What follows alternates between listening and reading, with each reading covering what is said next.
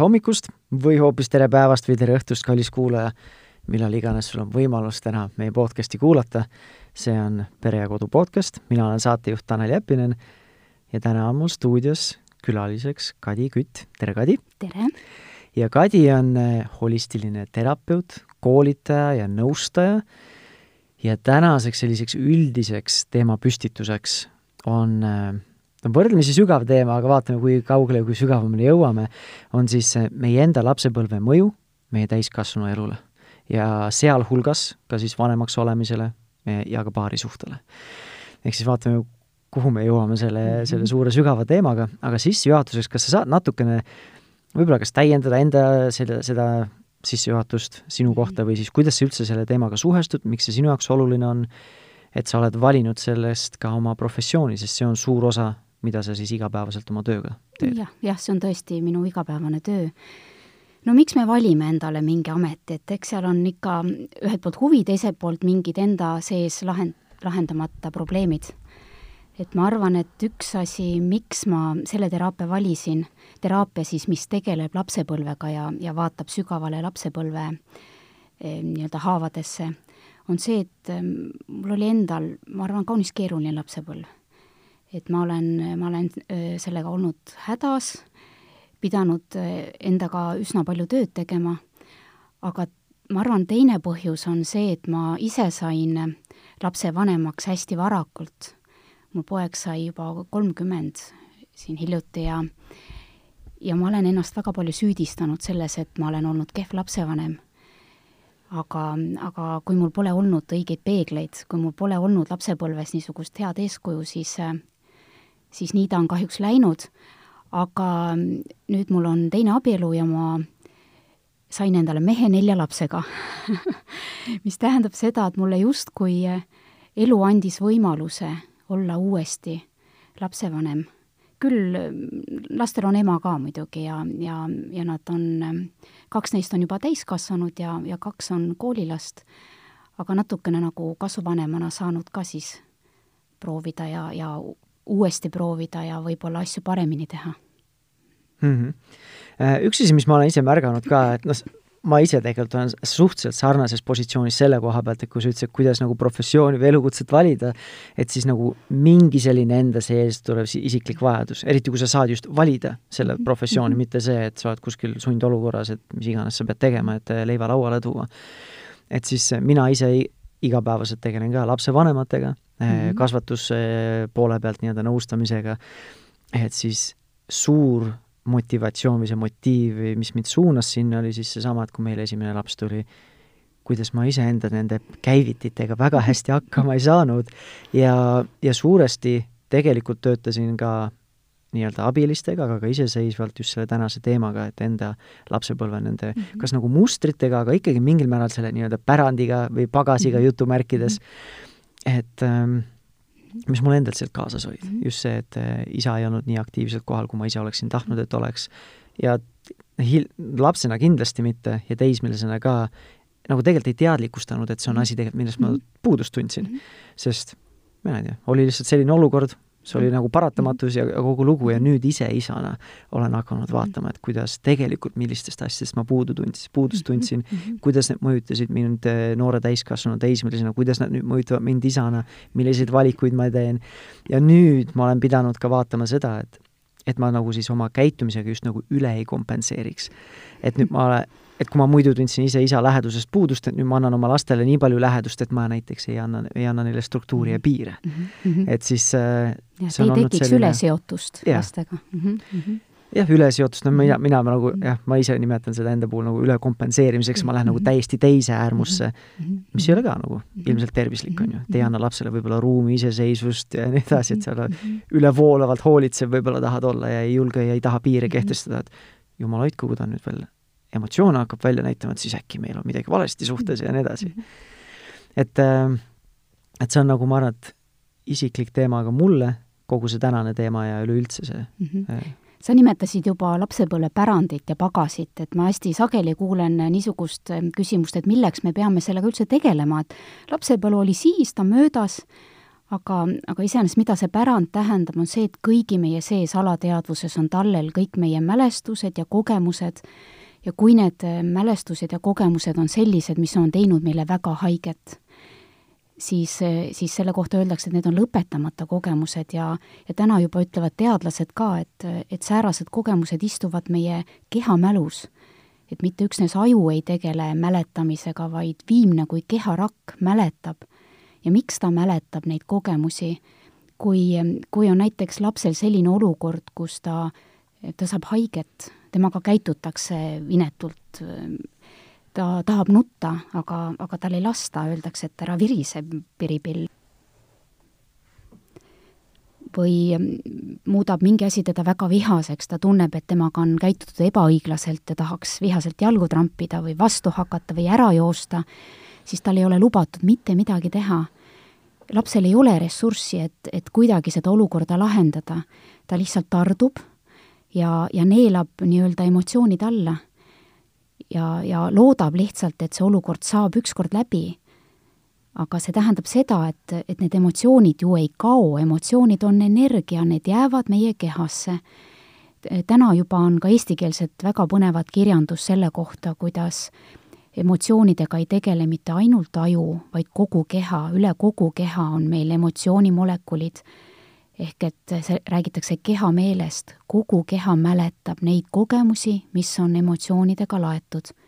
ja kui me neid ei, ei oska lahendada, seda olukorda, kui me ei, meil ei ole võimalik või me ei julge neid emotsioone kogeda, siis nad jäävadki sinna rakkumällu ja hakkavad meid mõjutama, kõiki meie mõtteid täiskasvanuna meie reaktsioone, meie käitumist, meie suhteid nii, nii paari suhtes kui lapsevanemana aga ma sa-, sada protsenti nõustun sellega, et see mõjutab just eriti inimestevahelisi mm. suhteid, sest kuidagi need käivitid on seotud teiste inimestega.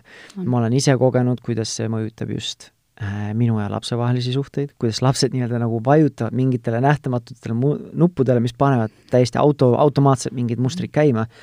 Ja samamoodi me oleme naisega käinud äh, baariteraapias, kus on äh,, on ka tegelikult väga selgelt välja tulnud, et sagedasti nii-öelda, kui me ma ei tea, kraakleme või meil on argu-, argumenteerime või kuidas iganes seda nimetada, või oleneb, kui palju neid emotsioone antud -hmm. hetkel seal sees on, siis äh, tegelikult ei võitle mina ja tema vaid minu muster tema mustriga, mille me mõlemad oleme saanud oma vanematelt kaasa. Ja aga korraks selle tagasi tulles, selle juurde, et äh, et me nagu ei julge nendega tegeleda, et me just äh, salvestusväliselt rääkisime ka sellest suhtumisest, mida mina olen väga palju kogenud, ma ütleks võib-olla rohkem nagu vanema põlvkonna inimestelt, et enda vanematelt näiteks, kui ma olen oma isaga maha istunud ja rääkinud oma lapsepõlvest, sellest kogemusest, mida mina sealt kaasa sain, kuidas tema saab siis rääkida enda kogemusest, mis annab hoopis uue dimensiooni selle mulle endale, ma saangi anda oma kogemusele teistsuguse tähenduse, aga kui me oleme rääkinud nendest, siis sagedasti tuleb ikka jälle seesama suhtumine, et aga milleks nagu seal minevikus kaevata, et et see, nagu sina ütlesid eh, salvestusväliselt ka, et see, mis on olnud, see on olnud, et miks ikka nagu torkida seda, on ju. Mhm. et see eesmärk ei olegi võib-olla niisama torkida, aga lihtsalt ise õppida aru saama neid, neid käiviteid, neid ja. mustreid ja muuhulgas nagu aru saama ka, et kuidas need asjad on mind mõjutanud ja minu võib-olla isegi eluvalikuid mõjutanud mm. -hmm. et õppida nagu ennast reguleerima, ennast juhtima, enda käitumist oma emotsioone tundma ja nii edasi. jah, just kui klient tuleb teraapiasse, ega siis eh, eesmärgiks omaette ei ole minna minevikku rändama, nagu holistilises teraapias lisaks vestlusele me käime siserännakul ja, ja abiks on siin alateadvus vaid eh, eesmärgiks on ikka see, et klient ennast igapäevaselt täna oma praeguses elus tunneks hästi, tunneks kindlalt. Ja, ja väga sageli ongi nii, et ta tuleb hoopis mingi teise probleemiga, oma tänase probleemiga, on tööl hädas või laste kasvatamisega hädas või paarisuhe lonkab, lihtsalt ühel hetkel me jõuame sinna minevikku ikkagi, sest et tõepoolest me kõik kanname endaga kaasas mingeid lapsepõlvemustreid selleks ei pea olema mingid väga suured traumad, vägivald või, või peksa saamine või, või midagi taolist. vahel ei ole vaja muud, kui õpetaja näiteks klassi ees vaatab kurja pilguga või, või ütleb ühe alandava sõna ja, ja inimene kannab seda endaga kaasas. ehk kuhu iganes ta, ta võib teraapiasse tulla ja öelda, et mul on esinemisärevus mul on selline diagnoos pandud. aga, aga lõpuks jõuame me ikka sinna, et ta kardab paaniliselt, et äkki keegi vaatab samasuguse pilguga teda ja siis tal on tunne, et ta vajub häbi pärast maa alla, sest lapsena tal ei olnud mitte mingisuguseid teadmisi ega oskusi, kuidas selles olukorras välja tulla tervena. ja see ongi tema sees, see on tema muster, on ju, kui satub samasugusesse olukorda või sarnasesse, siis tema muster on appi, nüüd ma vajun häbi pärast maa alla. ja kuidas ta saab siis esineda, kuidas ta saab oma arvamust väljendada, kuidas ta saab konflikte lahendada, ta ei saa, ta jääb vait, sest et ta kardab häbisse jääda. no ja kui teisel tasemel vaadata, see ongi, see lihtsalt tekitab stressi ja see lihtsalt ongi, on see kas võitle, tardu või põgene, kas siis tardud või siis põgened või siis hakkad vastu panema või mis iganes. Äh, ise lapsevanemana ja ma tean, et enamus kuulajad on ka lapsevanemad, et lihtsalt korraks tahaks selle äh, selle juurde tagasi tulla, et äh, see nii-öelda, sa ütlesid, et ei pea olema trauma mm -hmm. ja et sellega tegeleda või et need, need võivadki tulla väga igapäevastest olukordadest. ja see on üks asi, mis ma, kui ma oma vanemad, oma vanematega, nende lapsevanematega äh, suhtlen, kellega ma ise tööd teen, siis äh, kui me proovime läbi käia oma seda lapsepõlvepärandit või pagasit, kuidas iganes seda nimetada, siis äh, sagedasti või noh, aeg-ajalt tekib selline ootus nüüd et näed, mina sain nüüd selle pagasi ja pärandi on ju kaasa, et nüüd ma tahan enda lapsi kasvatada ilma selle pärandite pagast, ma ei taha neile ühtegi traumat kaasa anda, mis tegelikult ei ole realistlik ootus, sest nagu sa rääkisid ka, see ei olenegi sellest, kuidas nüüd mina lapsega käitun, vaid kogu see muu asi, kuidas tema mingit sõnumit vastu võtab, et ma ei saa ilma ühegi sellise nagu ma ei tea, pagasi või traumata nagu last nagu täiskasvanu ellu saata ja see ei tohiks nagu eesmärk olla. loomulikult, kui sa kohtled last või väärkohtled last, siis loomulikult sa pead endaga tegelema, aga võtta eesmärgiks, et kasvatad täiusliku lapse, annad talle täiusliku vigadeta veatu sellise perfektse lapsepõlve, see ei ole nagu õige ootus. ja see, me ei peakski seda tegema, sest see igasugune selline väiksem stress ja kogemus tegelikult ju peaks looma sellise pinnase, et oleks selline õppe, õpetamise koht lapselegi sellist vaimse sellise vastupidavuse või sellise paindlikkuse õppekoht ka, et kui neid väljakutseid ei ole mm, -hmm. siis jäävad ka need õppetunnid nagu mm -hmm. saamata mm. -hmm. ma siiski arvan, et see selles mõttes on üks hea ootus, et see paneb inimest pingutama selle nimel, et endaga tööd teha, et kui ta endale lubab, et ma oma lapsega nii ei käitu, siis suure tõenäosusega hakkab ta uurima, et millised on need olukorrad, mis talle on kõige rohkem haiget teinud, mis, mis teda täna ikka veel käivitavad, et selline eh, lubadus endale eh, lihtsalt paneb teda endaga rohkem tööle.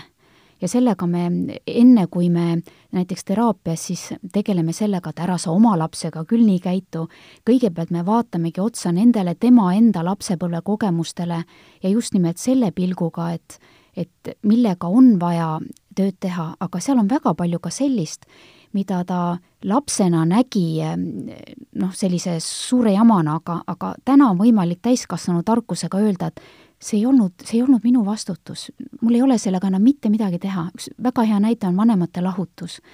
et lapse jaoks on midagi, midagi nii koledat, midagi nii niisugust kõikehõlmavat, et ta ei oska sellest sageli teha muud järeldust, kui et mina olen süüdi, mina oleks pidanud olema parem laps. kui ma oleksin paremini õppinud, kui ma oleksin äh, nooremate õdede-vendade eest äh, rohkem hoolt kandnud, siis ei oleks need asjad nii läinud, siis ei oleks isa kohvreid võtnud ja ära läinud. et näidata nüüd täiskasvanud kliendile, töötada need olukorrad läbi, et see ei ole tema võimuses, see ei olnud tema võimuses. et selliseid asju tuleb ka siiski näidata, sellepärast on ka vaja, vaja minevikku vaadata, et võtta seda vastutust, isiklikku vastutust vähemaks, võtta seda isiklikku pinget vähemaks, lasta mm, -hmm. lasta lahti asjadest. ma nõustun sellega, et et see on nagu hea motiiv, et kui ma tahan enda lapsele anda paremat lapsepõlve mm, -hmm. kui ma ise sain, aga ongi jälle, kui sellega minna äärmusse, ma nüüd tahan ja. veatult seda teha, siis seda ei ole võimalik. ei ole siis võimalik. paned endale, iseendale paned ootused, mis, mida sul ei ole võimalus, võimalik täita. aga selle nende lapsepõlvekogemuste ja lahutuste juurde, sest minu vanemad lahutasid enne, mhm. mul on kaksikvend, enne kui me siis eh, läksime kooli, eks me olime viie-kuuesed umbes mm. -hmm. ja, ja kui sa rääkisid seda, et see laps võtab selle nagu mingil määral nagu sisendab, et nüüd tema nagu oleks süüdi, et oleks pidanud seda, et see nagu ei toimi nii-öelda loogiliselt, et jah, vanemad läksid lahku, ma oleksin pidanud parem laps olema, aga siis sul tulevadki mingid mälupildid. et see on olukord, kui isa või ema minu peale pahandas. tulevad see, need emotsioonid, äkki nüüd sellepärast et kui ma nüüd selles olukorras oleksin parem laps olnud, poleks seda meelepaha pa, eh, pakkunud ja nii edasi, et siis need on pigem nagu sellised ikkagi spetsiifilised emotsionaalsed mingid hetked, mitte lihtsalt loogiline järjest, noh, vanemad läksid lahku, järelikult mina olen süüdi, noh. Ei, ja, ja kui täiskasvanuga sellest rääkida, siis nii ta tegelikult ütlebki, et noh, vanemad läksid lahku, aga paljud lahutasid ja mis seal ikka ja, ja mõni poetab siin protsente, et no üle viiekümne protsendi lahutavad, eks. aga me ei mäleta seda, kuidas me sel hetkel tundsime, kui, kui isa tõesti kottidega uksest välja läks. et seda, see ei ole meie nii-öelda faktimälus, mida ma sel hetkel mõtlesin, vaid, vaid see ongi see emotsionaalne mälu, see, mis, mida keha mäletab, et lapse jaoks on see selline olukord, kus, kus ta tunneb, et, et nüüd on surm, nüüd, nüüd, nüüd siit ma enam välja ei tule.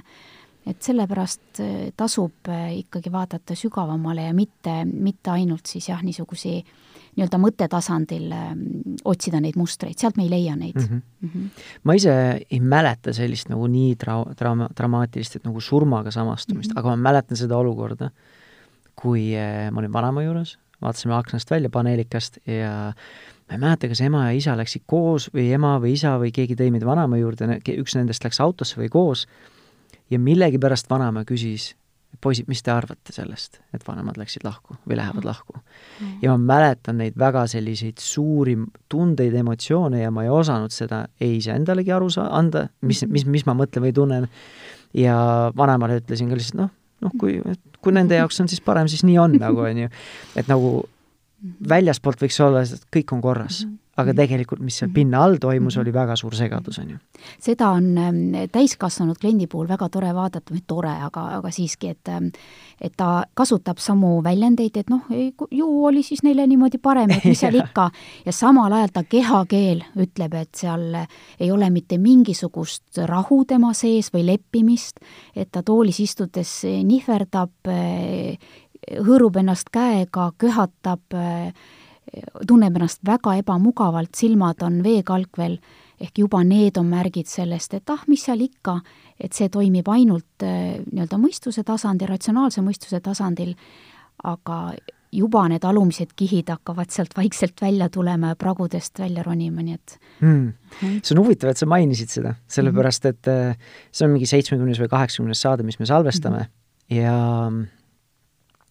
ma nagu ei tunne esinemise ärevust selle eest, et me sinuga istume ja räägime siin, aga kui ma, enne kui sa seda mainisid, ma ise mõtlesin, et miks ma täna mikrofoni juhtmega niimoodi mängin sest ma varem seda. ei ole, ma tavaliselt seda ei tee. ja siis, kui enne, kui sa juba mainisid, ma ise mõtlesin ka, et huvitav, miks ma seda teen et miks mul see vaja, vajadus praegu on või mida ma siin, mis, mida ma siis nii-öelda välja elan siin praegu, et mingit, ma ei tea, närvilisust või mis iganes selle teema ees. eriti, kui me nüüd rääkisime sellest lahutusest, on ju.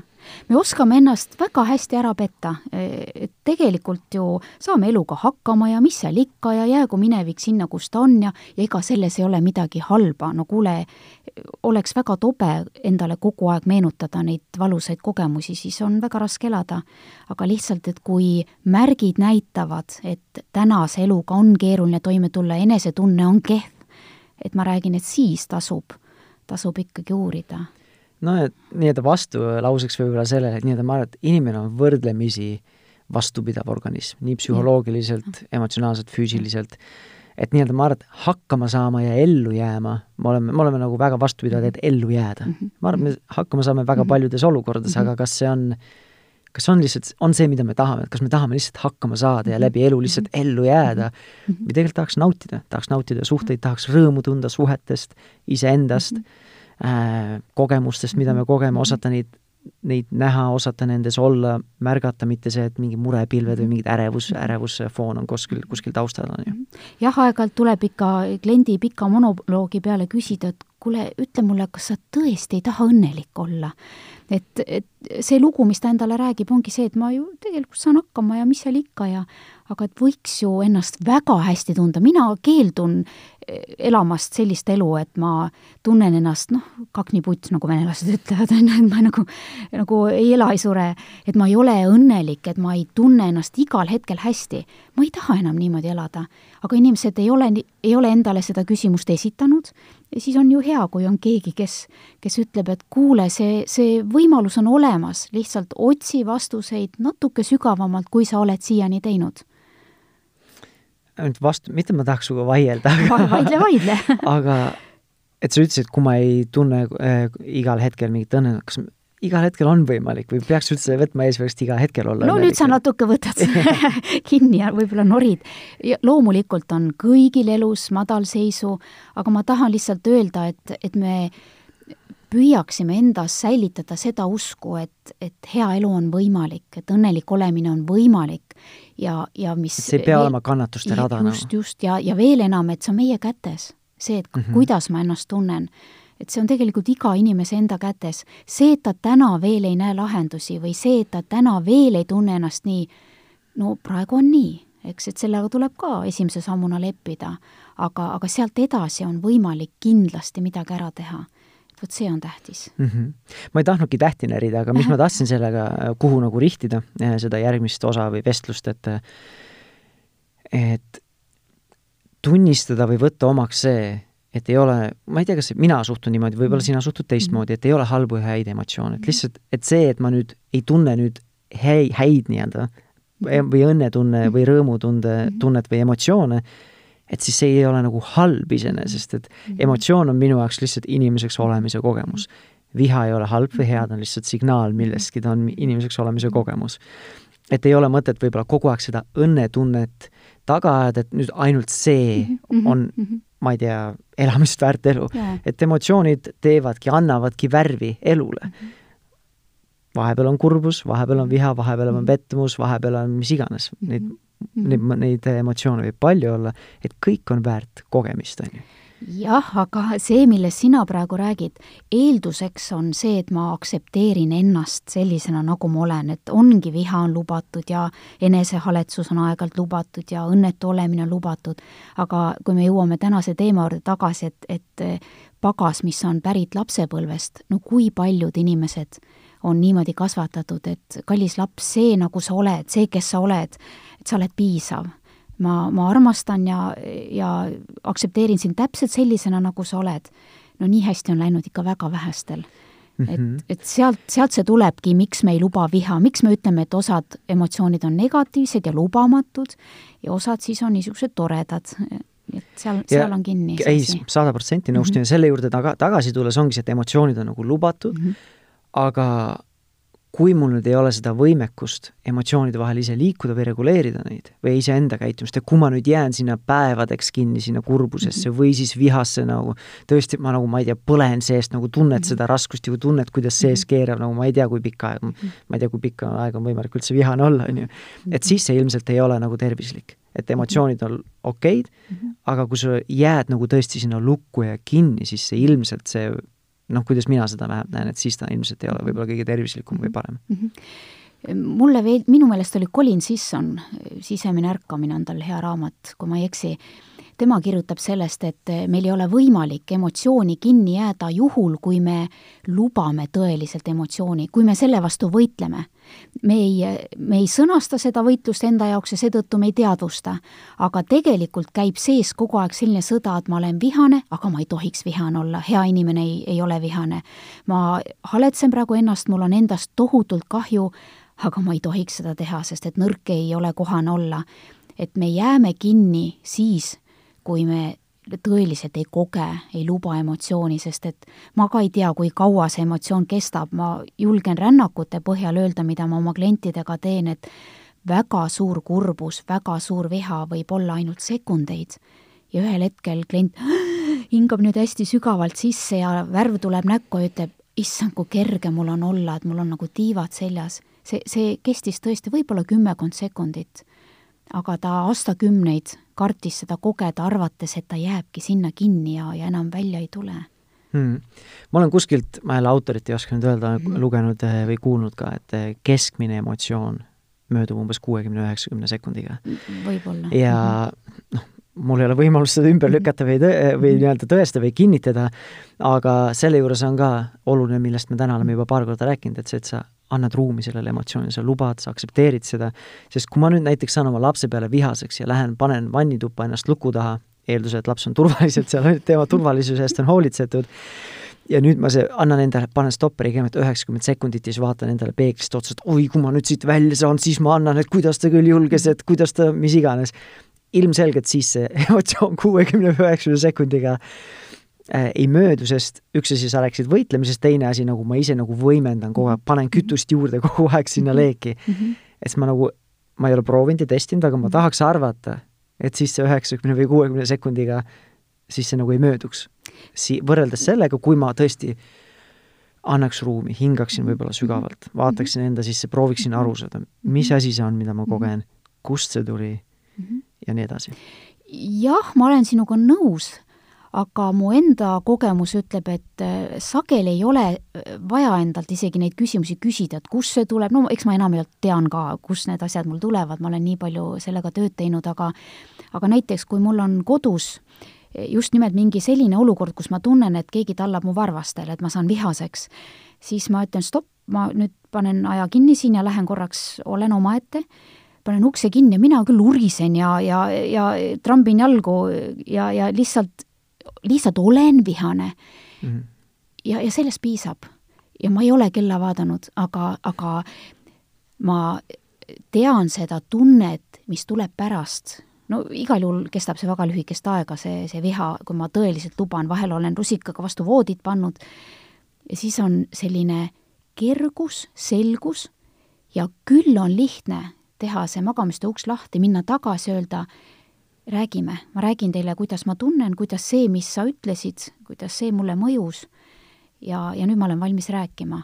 et lihtsalt lubada endale jah, kogeda emotsiooni, ükskõik siis kuidas, tegelikult kaks reeglit on, endale ei tohi haiget teha ja teisele ei tohi haiget teha, et selles mõttes on hea ennast distantseerida kuskile vannituppa või magamistuppa mm -hmm. kinni panna või metsa minna või autos, autos käratseda mm. -hmm. no see on sama asi, mis me enda lastele proovime õpetada, et ongi, et emotsioonid on lubatud mm, -hmm.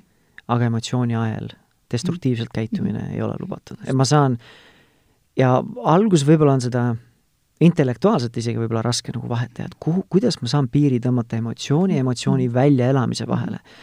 aga et ongi, et ma luban lapsel emotsioone välja elada, aga endale ei tohi liiga mhm. teha, õele-vennale ei tohi liiga teha, minule või naisele ei tohi liiga teha, kodust vara ei tohi lõhkuda mm. -hmm Äh, ja nii edasi, aga emotsioonid on lubatud ja sa võid seda välja mhm. muudel viisidel mhm. elada mm. -hmm. ma alati kergitan kulmu, kui räägitakse sellest, et see on lausa teooriad, mis räägivad sellest, et et iga kord, kui sa emotsiooni välja elad, näiteks oled vihane, siis viha aina kasvab su sees. et noh, jutt on siis sellest, et ei ole hea olla vihane, sest et, et siis sa kasvatad viha ja sellega sa mürgitad kõike enda ümber, vot ma ei ole päris nõus sellega, sest et kui ma, emotsioonist saab vabaneda ainult emotsiooni kogedes. teisiti ei ole see võimalik, kui ma ütlen endale nii, ma olen, raputan ennast ja ütlen, et ma olen, ma olen hea inimene, nüüd ma otsustan, et ma ei ole vihane, no kuidas see peaks lahendama midagi et eh, jah, kui me kardame, et me mürgitame liialt või, või tõesti, et see ehmatab lähedasi, neid inimesi, kes on me ümber, siis, siis tulebki öelda, et kuulge, praegu on nii, et ma ei tule endaga toime, andke mulle aega, ma lähen, ma olen vihane. aga see, et ma ei luba, mulle tundub, et see ei ole lahendus vihaga ma ei oska seda praegu selles kontekstis samastuda mm, -hmm. aga just näiteks kurbusega, et ongi see, et tõesti kurb, sa oled pettunud, tõesti midagi ei läinud üldse mm -hmm. sinu moodi mm -hmm. ja siis vaatad peeglisse, paned selle võltsnaeratuse peale ja ütle veel mingi käega, et jess, ma saan hakkama, nagu tegelikult on kõik elu on lill, nagu. et siis noh, et sa nagu ütled neid sõnu, aga sisemas ise nagu mhm. juba tuleb see teine kahekõne, et nagu keda sa petad ja siis nagu anna, anna ruumi nagu. nojah, vahel on, vahel ei ole võimalik ruumi anda, eks, et mm -hmm. siis on see lause, et ma saan hakkama või et, et praegu on kõik hästi või meil peab ka see võime olema ennast niimoodi kuidas öeldakse, üles kuidagi upitada või, või mm -hmm. meeleolu aga jah nagu, me räägime selline just, just, just, kriisiabi või, aga me siin ju sinuga räägime praegu ikkagi sellisest sügavamast tööst, et mitte mitte hakkamasaamisest, vaid tervenemisest, eks, et see on, see on hoopis midagi muud. Räägime siis nüüd natukene sellest, sest eh, nagu me mõlemad oleme tunnistanud ja mina tean enda kogemusest ja nii palju, kui ma olen ise paljude peredega töötanud, enda tuttavatega rääkinud sellel, sellel teemal, siis tõesti sellist nii-öelda nagu emotsionaalset kasvatust enamasti me ei ole lapsepõlves kaasa saanud. ja see ei ole nagu süüdistades öeldes, et oma vanemate pihta, sest nemad andsid endast parima selles ajas, ruumis, kultuuris, kus nemad mind kasvatasid. ja ja nüüd mina proovin siis sedasama teha, mitte täpselt sedasama, mida nemad teevad, aga siis anda endast parim Just. Mm -hmm. selles infoväljas, kultuuris, teadusruumis, mis iganes, mis meil praegu on mm. -hmm. et nii-öelda ennast arendada, ise nii-öelda silmi avada, ise õppida, lugeda ja et kuidas seda siis teha, et kui mul ei ole seda nii-öelda selli-, selliseid oskusi mm -hmm. ise kaasa antud ja võib-olla isegi nagu vastupidised oskused mm. -hmm. et kui tuleb halb emotsioon, suru maha, viha on halb, sa ei tohi seda käituda, sa ei tohi kurbust näidata näiteks meesterahvana, et sa ei tohi nutta, sa ei tohi kurb olla, mis iganes, et sa pead olema nagu ma ei tea, tuim nagu kivi, tugev nagu härg, mis iganes, on ju. et kui mul ei ole neid oskusi ja kogemusi ja võib-olla isegi vastupidised oskused ja kogemused, et kust seda alustada, seda nii-öelda siis, nagu sa ütlesid, tervenemise protsessi või teekonda. Mm? -hmm no mina olen suur raamatute sõber ja minu meelest on nii palju selliseid raamatuid, mis, mis juhatavad õigele teele, igaüks peab lihtsalt selle oma leidma, aga aga alustama, alustada võiks kindlasti teadmiste omandamisest. Et lihtsalt eh, lugeda, lugeda, mõtiskleda, märgata, milline info on see, mis kuidagi torkab või lausa lõikab ja, ja sealt siis edasi liikuda Ehm, on väga palju häid kursuseid, on väga palju häid koolitusi, e, inimesed natukene, siin on kaks ohtu, et käiakse ühel ära või loetakse üks raamat läbi ja öeldakse, et et noh, ma ei saanud sealt midagi. Et see on, see on, see on eluviis, elamise viis, see selline eneseharimine ja tervendamine, et ühest raamatust ja koolitusest ei piisa.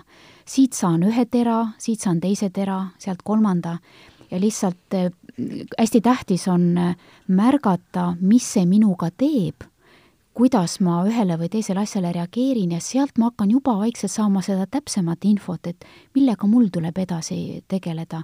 et kui ma toon enda näite, et ma teraapias, kui klient räägib sellest, kuidas kuidas ta laps äh, õpib viitele ja mängib viiulit ja teeb tippsporti ja, ja ma märkan, kuidas mul tuleb klomp kurku kuidas mul natuke nagu ajab nutma, siis ma saan aru, et see, see on minu teema. eks ma märkan enda reaktsiooni ja tean, et kuule, nüüd lõpeta enesepettus ja, ja hakka sellega tööle. et vaat nii peaks iga inimene märkama, et vaatab filmi ja miski reageerib tema sees, mis see on, korraks, korraks võtan aja, panen silmad kinni, mis see on, mis minus praegu toimub. ja kui me juba selle aja endale võtame, siis eh, elu on nii toetav, et hakkab meile igat sorti märke saatma, küll koolituste pealkirju ja raamatuid ja sõpru ja, ja nõuandjaid. nii et hoida silmad lahti ja mm. -hmm. Mm -hmm. ma tahaks natuke spetsiifilisemalt uurida, et ongi, et kui ma nõustun sellega mm, -hmm. et on, et lihtsalt eneseharimisega alustada. et loe raamatuid, käi kursustel, vaata kas või Youtube'is mm, -hmm. kui mhm. leiad head ressursid, tasuta ressurssigi leiab palju mm. -hmm kui sa ütlesid seda, et eh, üks oht või mis sa oled märganud, et keegi loeb ühe raamatu, ei töötanud, järelikult ei mhm. ole asi, mis mina olen märganud ka iseendas, on see, et et sa loed ja tarbid ja tarbides võtad seda intellektuaalse kogemusena, ma lihtsalt mhm. omandan teadmisi, mhm. aga see nagu mingil hetkel nagu selles mõttes see efekt nagu kaob ära, et eh, kui sa loed veel kahekümne esimese raamatu, siis -hmm. võib-olla saaksid palju rohkem äh, nii-öelda seda kasutegur oleks palju suurem, kui sa tegelikult paneksid selle mhm. ajaenergia mm -hmm. praktiseerimisse sellesse, et sa tõesti mm -hmm. tegeled võib-olla mhm. natukene ebamugavate asjadega, vaatad mm -hmm. siin, kus see on mm, -hmm. mis, mis, mis, mis see on või mis mind emotsionaalseks siin või seal teeb või mis paneb käi-, käima mingi mustri ja nii edasi mm. -hmm. et just mm -hmm. nagu mis teemas nagu alustada seda eneseharimist, et on see siis, ma ei tea, emotsioonidest, on see siis lihtsalt teadveloleku praktikatest või oskad sa võib-olla siin mingit soovitusi anda, millisest teemast nagu alustada, kui ongi, nagu me rääkisime, seesama muster, ma tunnen, et mul ei ole neid oskusi saada kaasa, ma märkan mingeid negatiivseid, ma ei tea, negatiivseid käitumismustreid, et kus ma näen, et ma ei saa asjadega hakkama ja ma ideaalis tahaksin teistmoodi käituda, aga see lihtsalt mm -hmm. antud olukorras, kui on stress või mis iganes tuleb peale, siis see ei lähe seda rada pidi nagu no. mm. -hmm no mina holistilise terapeudina, holistik, holistiline tähendab terviklik, eks, et me oleme, meie keha ja mõtted ja emotsioonid on kõik üks tervik, ma ikka soovitan inimestele selliseid praktikaid, kus keha on kaasa haaratud, sest et keha on aus. ma võin emo-, mida tähendab emotsioonidega tegelemine, enamalt jaolt tähendab see nendest mõtlemist ja nendest lugemist, eks. aga et kui on kõik, kas siis ongi mingid kehateraapiad või on jooga või tsigun või, või minu pärast hästi populaarne viie rütmi tantsud, kus ma kaasan keha, e, siis keha on, nagu ma ütlesin, aus ja, ja vallandab need lõksu jäänud emotsioonid, et sealtkaudu on lihtsalt e, tõhusam, sügavam, lihtsam saada aru, et miski mu sees on niisugust, mis teeb haiget, mis paneb kõhu valutama või pea valutama, et kindlasti soovitan, soovitan midagi niisugust kehalist praktikat. meditatsioon, väga hea. Üks oht siin on, inimesed panevad meditatsioonile eesmärgi, et ma ei peaks halbu mõtteid mõtlema ja, ja tundeid tundma. meditatsiooni kõige olulisem eesmärk on lihtsalt olla iseendaga panna silmad kinni, tuua tähelepanu kõigelt väliselt ära enda sisse ja lihtsalt saada aru, mis mu sees toimub ja aktsepteerida kõike, ka, ka neid koledaid mõtteid ja neid halbu tundeid ja kõhuvalu ja kõike muud, sealtkaudu saab inimene ka aru, et ai, see maailm, mille ma olen endale intellektuaalsel tasandil loonud, see lugu, mida ma endale räägin, see ei päde, et see ei, see ei, see ei ole päris nii. Et kindlasti ma soovitan niisuguseid sisevaatlusi, hingamine väga hea, jälle mingid väga lihtsad hingamisharjutused, eesmärk olla endaga kontaktis. Ehk see on siis, võib öelda, see kõige olulisem eesmärk, kõik sellised praktikad, kus sa tood tähelepanu väljast ära enda sisse, märkad, mis su sees on ja sealt saad järgmise sammuna otsustada, millega on vaja kõige rohkem tööd teha Need on need asjad, mida saab siis iseseisvalt kodus teha. aga nii, nagu sina räägid, et need mustrid, et jälle käitusin kuidagi kummaliselt, irratsionaalselt, jälle vihastasin, jälle tegin seda, mida ma olen lubanud sada korda, et ma ei tee, tead, ma ikkagi arvan täna, et siin üksinda on väga keeruline midagi ära teha, sest et meil on vaja abilist, meil on vaja kedagi, kes esitab küsimusi, mida me endalt küsida ei julge. kes juhib tähelepanu sellele, et kuule, su sõnad ja su kehakeel ei lähe kokku. et, et seal on vaja ikkagi natukene sügavama töö tegemiseks, on vaja niisugust toetavat ähm, ja, ja niisugust professionaalset abilist mm. -hmm. ma korraks meditatsiooni juurde lisan selle ka, et nagu äh, enda kogemusest, et oluline olla ka hinnangute vaba iseendusest, ongi, kui sul läheb mõte lappama, siis ta lihtsalt läks, noh, on, mhm. lihtsalt läks, on ju. või kui sa koged mingeid emotsioone ja asju, siis lihtsalt on, on ju, et sa ei mhm. anna, ei pea neile nagu hinnanguid andma. Mhm. aga sellest äh, abi otsimisest, siis äh, mina isiklikult olen käinud individuaalteraapias, olen käinud baariteraapias ja, ja kui leiad hea teraapia, terapeudi, siis kindlasti võib sellest abi olla mm.. aga võib abi olla ka, kui sul on tutvusringkonnas lihtsalt sõbrad, kellel on, ma ei tea mm, -hmm. kas nad on ise hästi sellised empaatilised või noh, mul on endal näiteks paar sellist äh, väga head sõpra meesterahvast mm, -hmm. kellega me saamegi rääkida mm -hmm. nendest asjadest, no põhimõtteliselt me räägime nagu sõber sõbraga mm, -hmm. Aga ta täidab enam-vähem sarnast mm -hmm. efekti, nagu ma oleksin terapeudi ruumis mm. -hmm. et tõesti mm -hmm kutsub välja võib-olla minu mingeid käitumismustreid mm, -hmm. mida ta teab, et ei ole minu äh, väärtustega või minu uskumustega kooskõlas ja, ja nii edasi. et seal noh, aga ma, ma sellega nagu nõustun, et vahepeal on vaja kedagi, kes kõrvalt natukene kas suunab mm, -hmm. to-, toob tähelepanu mingite asjade juurde, sest vahepeal me ise nagu ikkagi pelgame minna sügavamale. Mhm. jah, see on hea mõte, et me kõik inimesena vajame endale häid sõpru, kellega me saame väga avatult jagada nii, nii head kui halba aga siin on natuke see oht, et kui need sõbrad ei ole eneseteadlikud, kui nad ei ole enda sisemiste hingehaavadega tööd teinud, mida nad oskavad öelda, nad oskavad enda hirmu baasilt või enda nii-öelda selle kogemuse baasilt äh, nõu anda, noh, enamalt jaolt on see selline üsna pinnapealne. vahel on see, vahel on seda vaja, et keegi patsutab õlale, ütleb, et kuule, sa tuled igal juhul toime aga, aga me oleme täna mitu korda rääkinud, et, et toimetulek on üks asi ja päriselt tervenemine, see, et ma tõesti saan väga kerge südamega elus edasi liikuda, puhtana, tervena, et see on hoopis midagi muud mul on hea meel, et selle välja tõid, sellepärast et kui ma nendest sõpradest, kes mul praegu meeles olid, kellega ma rääkisin, Äh, siis me väga harva lihtsalt anname nõu, sa peaksid seda tegema, noh, et siis, et pigem ongi proovida nagu aidata mõista ja peegeldada tagasi, mis võiks sees, enda sees toimuda. ja targad sõbrad. ja siis teine asi, kui sa ütled ka, et kui keegi ütleb, et sa saad sellega hakkama, siis see võib olla ka väga erinev sõnum, et see võib olla julgustav mm, -hmm. aga siis võib olla selline nagu äh, noh, ma ei tea, nagu mingil määral selline toksilise maskuliinsusega teema, et noh, et nagu come on, et mm -hmm Mm -hmm. et ma ei tea, võta munad pihku ja mis iganes nagu, et -hmm. et mingi tossike oled või mis sa ikka siin, et nagu pigem nagu selline mahategev, et mis sa ikka mõtled sellega, see nii-öelda emotsioonide või oma hingeelu peale ja nii edasi, et come on no aga miks inimene niimoodi soovitab sellist mm -hmm. pinnapealset nagu, just sellepärast, et tal on, ta kardab seda enda hirmu, mis samal hetkel üles tuleb, sest et me, emotsioonid on energia, nad hakkavad resoneeruma, et kui, kui sina tuled jutuga, kus ütled mulle, et sa oled ikkagi hästi kurb ja sa ei tea, mida eluga edasi peale hakata, siis minu sees hakkab ju täpselt seesama nii-öelda kurbus ja hirm kohe tööle. nüüd on küsimus, kas ma oskan äh, Eh, sellega midagi peale hakata, kas ma, kas ma olen ise juba sellega tööd teinud, siis ma saan väga neutraalselt eh, sulle nõu anda, aga, aga seda saavad, kusjuures tahtsin öelda, et ainult professionaalid, ma isegi tahaks öelda, et väga paljud professionaalid on täpselt sama asjaga hädas.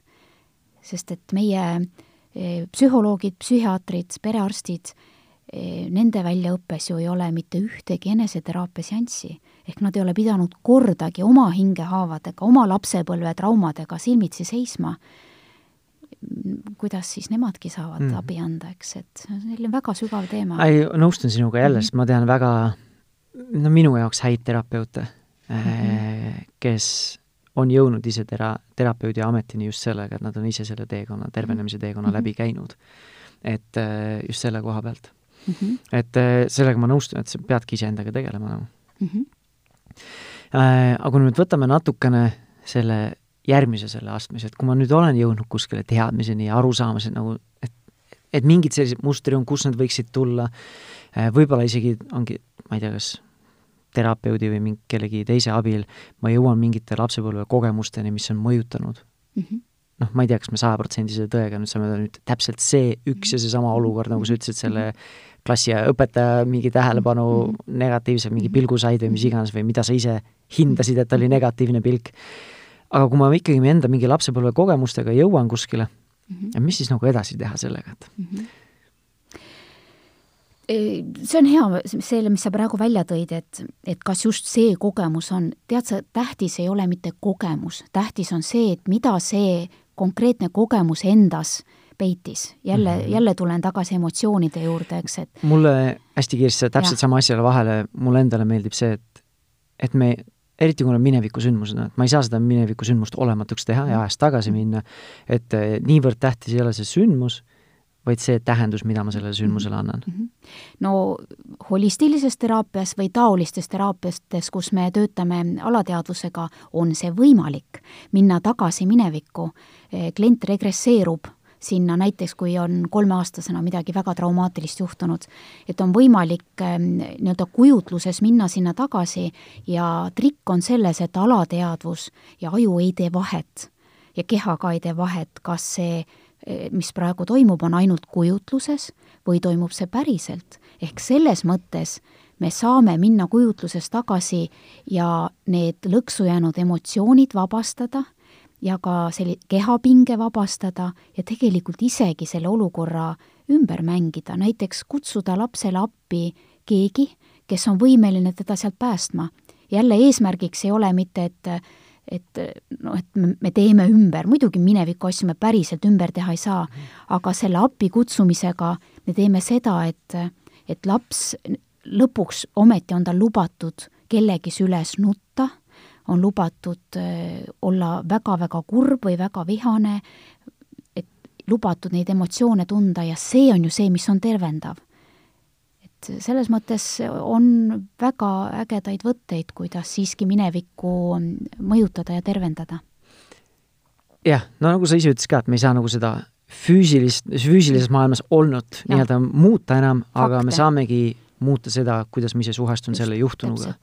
et saan tervendada nii-öelda iseennast selles hetkes, kui ma olin see väike laps, väike poiss, teismeline, eelteismeline, kes iganes. jah, ja, ja, ja asja mõte on selles, et kui ma nüüd täiskasvanuna satun sarnastesse olukordadesse, kohtun ähm, taoliste inimestega, kes tookord mulle näiteks seda valu põhjustas, siis ma ei reageeri enam nii, nagu reageeris toona see laps, et ma lähen äh, lukku, tardun, ei võta midagi enda heaks ette, ei väljenda oma vajadusi, ei luba endale emotsioone, vaid vaid nüüd ma käitun nagu täiskasvanu, sest et ma selle vana valu olen nii-öelda lubanud tal lahustuda, olen emotsioonid noh, endast välja lasknud nii-öelda, eks mm. -hmm. et nüüd ma saan jääda kehaliselt rahulikuks ja ma saan reageerida nii, et, et mu prefrontaalkorteks ehk see osa ajust, mis mõtleb, et see, see on töökorras, mitte halvatud ja saan reageerida nii nagu täiskasvanu, öelda näiteks, et mulle ei meeldi, kui sa minuga nii käitud, kui sa karjud minu peale või kui sa mind ähvardad, ma ei luba endaga nii käituda.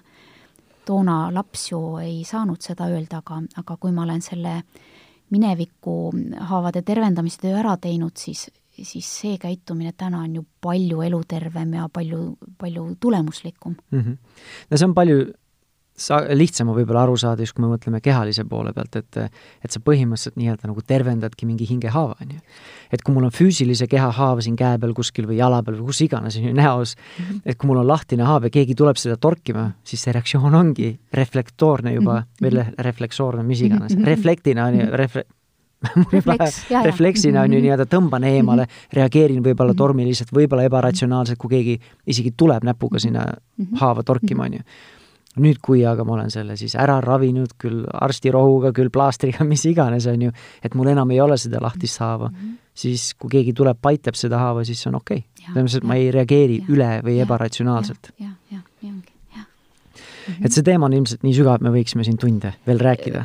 ja, ja üks asi, millesse ma lihtsalt tahaks nagu ära mainida, aga et see täna sellesse nagu ei jõudnud minna, et ongi, et üks asi mõjutab meie enda lapsepõlved, nooruspõlve kogemused mm, -hmm ja siis teine asi, eriti mis me toome paarisuhtesse, meie kõik varasemad paarisuhted ja nii edasi, et me, et see, et see mineviku mõju ei piirdu sellega, nüüd kui ma sain kaheksateist või kui ma sain üheksa või kaksteist ja nii edasi, et kõik meie varasemad mineviku kogemused mõjutavad. Mm -hmm potentsiaalselt vähemal või suuremal mhm. määral meie, meie käitumist. Mhm. no arukas inimene igal hetkel paneb ennast tähele ja küsib, kas, mis minuga praegu toimub ja, ja oskab nagu õppida nendest olukordadest, mhm. eks, et eelmine kord eelmises suhtes ma ei tulnud sellega toime, mida teha täna teisiti. aga selleks, et ma saaksin midagi selles suhtes või selle lapse puhul teha teisiti, pean ma aru saama, mis mu sees toimub, et me ikka nagu jõuame tagasi selle eneseteadvustamiseni, mis on minu meelest elus kõige olulisem oskus üldse. ma saan aru, mis minuga toimub. ma saan aru, mida ma tahan, mis, mis, mis mind takistab eh, jõudmaks sinna, kus ma tahan olla, eks. et eh, need on ääretult olulised küsimused mm. -hmm. suur-suur aitäh sulle, Kadi, et sa võtsid äh, ma ei tea, kas vaevaks, aga võtsid aega, et siia tulla oma, oma mõtteid jagama. kui äh, keda, kedagi pani nüüd väga see teema mõtlema, tahaks võib-olla edasi uurida äh,, oskad sa soovitada kas ressursse näiteks enda kodulehte või siis ka näiteks mingid raamatud, millest alustada, et oskad sa mingid suunised mm -hmm. nüüd kellelegi anda, kellele Mm -hmm. kes nagu soovib seda mm? -hmm. esimesena tuleb mul pähe üks väga hea raamat, me oleme täna palju lapsepõlvest rääkinud, et sellest, mis me sealt kõik kaasa saame, Bruce Lipton, Uskumused ja bioloogia, et väga silmi avav, et kindlasti tasub seda lugeda. ja ta ongi ise bioloogia, bioloogi taustaga. ta on rakubioloog ja, ja, ja et ta on teadlane et selles mõttes nii-öelda nagu traditsioonilise nii-öelda füüsilise maailma teadlane no.. just, just. kes, ähm, kes, keda rohkem huvitavad emotsioonid, et kuidas nad meid mõjutavad ja kuidas ja miks nad meid ikkagi nii tugevalt mõjutavad, siis Candice Bert on, ähm, tema on ka teadlane, mm, tuleb praegu ta psühhofarmakoloogia, temal on ka eesti keeles üks ähm, väga hea raamat, mida teha, et tunda end jumalikult, pealkiri on pikem, mul praegu mm -hmm. päris, aga mis see aga autor oli? Candice Pert, tugeva P-ga mm -hmm. Pert. ja mina olen oma blogis väga palju kirjutanud artikleid lapsepõlve mõjust ja, ja sellest, kuidas see kõik meid tänases elus eh, paneb käituma www.joogateraapia.ee on mu koduleht, nii et seal on, seal on nii blogiartiklid kui ka siis sellised lihtsad praktikad, mida igaüks saab kodus rakendada, et ennast paremini tunda. väga vahva, joogateraapia.ee. just nii. aitäh sulle veel kord, aitäh sulle ka, kallis kuulaja, et sa võtsid selle viiskümmend minutit eh, minu ja Kadi jaoks.